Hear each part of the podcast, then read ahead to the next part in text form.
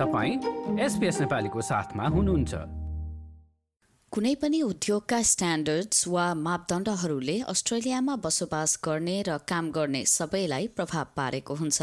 तर यो के हो र यसले कसरी काम गर्छ त? अक्टोबर तेह्रमा स्ट्यान्डर्ड्स अस्ट्रेलियाले सय वर्ष पूरा गरेको अवसरमा संस्थाले दैनिक जीवनलाई मजबुत बनाउने मापदण्डहरू कसरी निर्माण गरिन्छ भनेर व्याख्या गरेको छ। आज अस्ट्रेलियामा हजारौं मापदण्डहरू रहेका छन् जसले जीवनको लगभग सम्पूर्ण पाटालाई समेट्ने गर्दछ। खानेकुरादेखि फ्लस गर्न मिल्ने वाइप्ससम्म र सनस्क्रिनदेखि निर्माण कार्यहरूसम्म सबैका लागि बलियो आधार निर्माण गर्दछन् मापदण्डहरूले। विगत सय वर्षदेखि स्ट्यान्डर्ड्स अस्ट्रेलिया देशमा भएका सबैभन्दा दुखद घटनामा प्रतिक्रिया दिनदेखि प्रतिष्ठित निर्माण परियोजनाहरूका काममा अग्रपंक्तिमा रहने गरेको छ।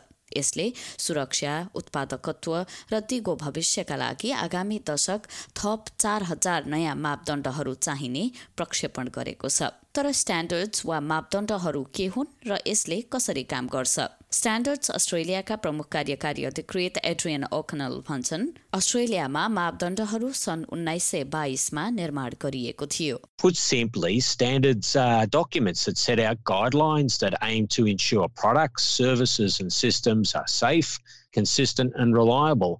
Since the first Australian standard in 1922, which guided the types of materials used in the construction of the Sydney Harbour Bridge, thousands of standards have been implemented covering products and industries as diverse as tennis court lighting, ballpoint pens, and renewable energy.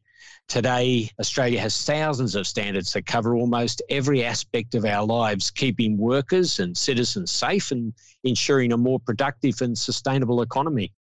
उनी भन्छन् मापदण्डहरूले जलवायु र अर्थतन्त्रमा देखिने परिवर्तनसँग अनुकूलन गर्नुपर्दछ We predict we're going to need 4,000 new standards in the next decade to safeguard our way of life. Some examples of where standards are being developed include responding to climate change, ensuring a safe and secure digital economy, and fast tracking Australia's transition to alternative energy sources such as hydrogen, wind, and solar. ओकनल भन्छन् अन्तर्राष्ट्रिय मापदण्डहरू निर्माणका निम्ति standards अस्ट्रेलियाले अन्य मापदण्डहरू बनाउने विश्वभरका संस्थाहरूसँग सहकार्य गरिरहेको छ कलिन रायले टाकोज स्ट्यान्डर्ड्स अस्ट्रेलियाको सञ्चालन फाँटकी महाप्रबन्धक हुन् र उनी भन्छन् संस्थाले अस्ट्रेलियाका केही चर्चित स्मारकहरूका लागि मापदण्डहरू बनाएको छ essentially everything that touches our lives um, have a standard underpinning it um, whether it's you know the beds that we sleep or the sports that we play um, there are so many. And um, as part of the centenary we released an iconic nation report where we actually talk about how standards have um, supported many of the icons um, wi- within this nation. So the first ever standard produced um, was for the Harbour Bridge back in 1920-22, which is it was to support you know the bolts that were going to um, hold the bridge together. And here we have the bridge still here, um, another icon for Australia.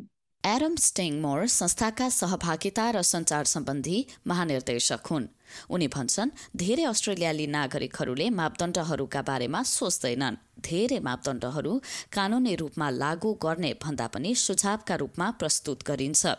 तर उनी उपभोक्ताहरूलाई आफ्नो र समुदायको भलाइका लागि अस्ट्रेलियाली मापदण्डहरू पूरा गरेका सामग्रीहरू मात्र खरिद गर्न प्रोत्साहित गर्छन्। So um, we've done a bit of research on um, perceptions of standards in Australia from ordinary citizens. And while everyone in Australia expects that there's a standard keeping them safe almost every day, um, they don't know where they've come from. So our expectation isn't that every Australian um, will understand the details of every standard.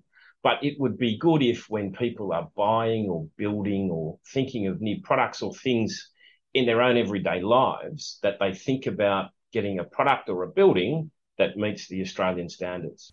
स्टिङमोर भन्छन् जलवायु परिवर्तनका कारण मौसमी ढाँचामा आएको परिवर्तन विशेष गरी बाढी र डढेलोको जोखिम बढेको अवस्थामा अस्ट्रेलियाली मापदण्डहरू यससँग मिल्दो किसिमको हुनुपर्दछ So the amount of the amount of water that falls um, in a rainstorm is changing.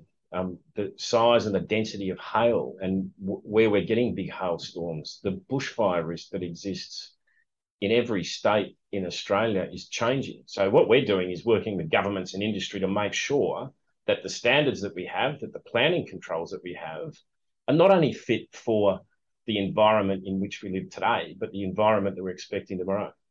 SPS न्यूजका लागि टम क्यानेटीद्वारा तयार पारिएको रिपोर्ट एसपीएस नेपालीका लागि सुनिता पोखरेलबाट like share र कमेन्ट गर्नुहोस्। एसपिएस नेपालीलाई फेसबुकमा साथ दिनुहोस्।